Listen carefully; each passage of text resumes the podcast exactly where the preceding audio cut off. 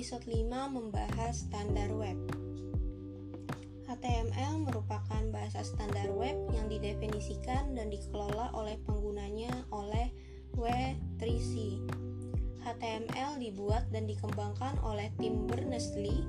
Selanjutnya, bahasa tersebut dipopulerkan oleh browser Mosaic. Selama tahun 90-an telah muncul berbagai versi HTML dengan berbagai macam fiturnya. Versi HTML yang ada tersebut antara lain versi 1.0 merupakan versi pertama setelah lahirnya HTML dan mempunyai kemampuan seperti untuk heading, paragraf, hypertext, list, cetak tebal, dan cetak miring pada teks. Selain itu juga dukungan perletakan image pada dokumen dengan tidak memperbolehkan perletakan teks di sekelilingnya versi 2.0 dirilis pada tanggal 14 Januari 1996 dengan beberapa kemampuan tambahan seperti penambahan forum. Hal ini menjadi pionir untuk membuat sebuah web yang interaktif.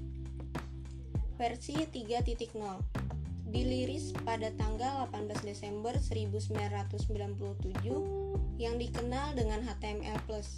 Versi ini merupakan beberapa fitur tambahan seperti fitur tabel dalam paragraf.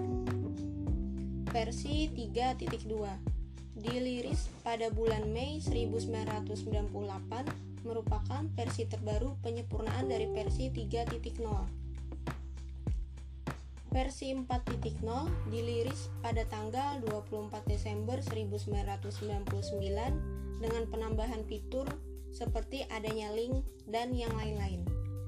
Versi 5.0 diliris pada tahun 2019 yang menjadi standar baru untuk HTML, XHTML, dan DOM HTML. HTML5 ini merupakan proyek kerjasama antara W3C dan juga WATG. Pada HTML5 ini dalam penulisan tag dan atribut dengan huruf kecil tidak ada lagi. Diberi kebebasan untuk menggunakan huruf kecil, huruf kapital, atau kombinasinya. Bahkan nilai atribut akan diberi tanda petik atau tidak sama saja. Browser tidak lagi mempedulikan hal-hal seperti itu. Sekian episode 5 kali ini, selanjutnya kita akan bahas di episode 6.